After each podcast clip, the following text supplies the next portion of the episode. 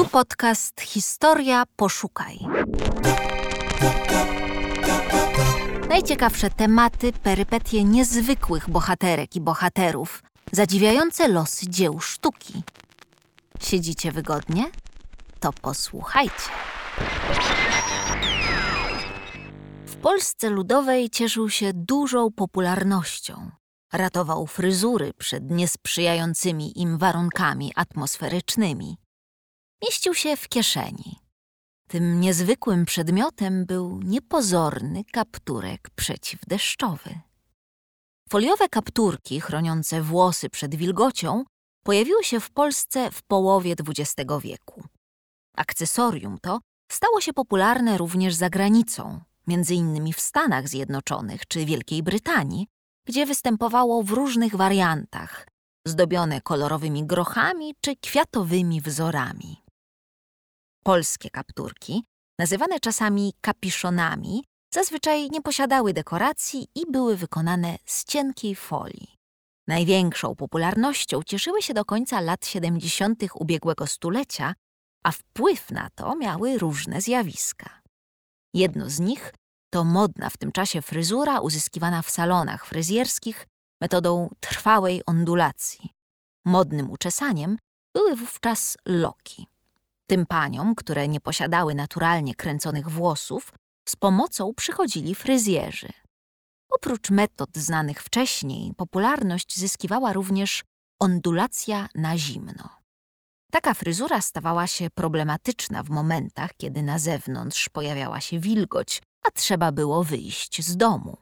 Mgła, rosa czy deszcz powodowały, że loki się puszyły, co psuło cały efekt. Pomocny okazywał się wtedy kapturek przeciwdeszczowy.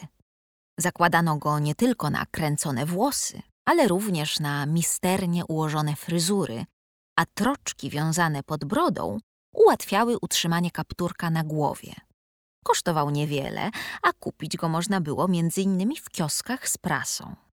Jego delikatny charakter sprawiał, że kobiety przezornie zaopatrywały się w większą liczbę sztuk. Kapturek przeciwdeszczowy można obejrzeć w Centralnym Muzeum Włókiennictwa w Łodzi. Pochodzi on z sopockich zakładów wyrobów galanteryjnych Sopotplast. Został wykonany z folii polietylenowej, a do zbiorów muzealnych trafił wraz z firmową etykietą oraz etui. Kapturki przeciwdeszczowe pojawiały się w ofercie Sopotplastu od początku funkcjonowania zakładów. O nowym typie akcesorium donosił Dziennik Bałtycki w grudniu 1958 roku, kiedy w sopockich zakładach przemysłu terenowego została uruchomiona produkcja folii polietylenowej o grubości wynoszącej zaledwie 200 mm. Dzięki temu kapturek miał ważyć jeszcze mniej.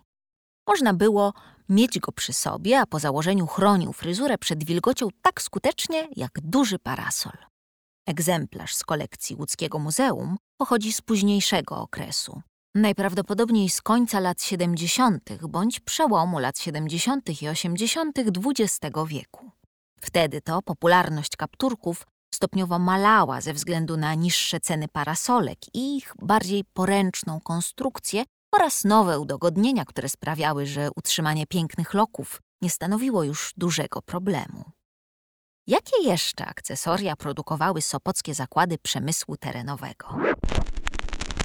Odpowiedź na to pytanie znajdziesz na portalu Historia Poszukaj w artykule Anety Dmochowskiej pod tytułem Na ratunek modnej fryzurze kapturek przeciwdeszczowy z kolekcji Centralnego Muzeum Włókiennictwa w Łodzi.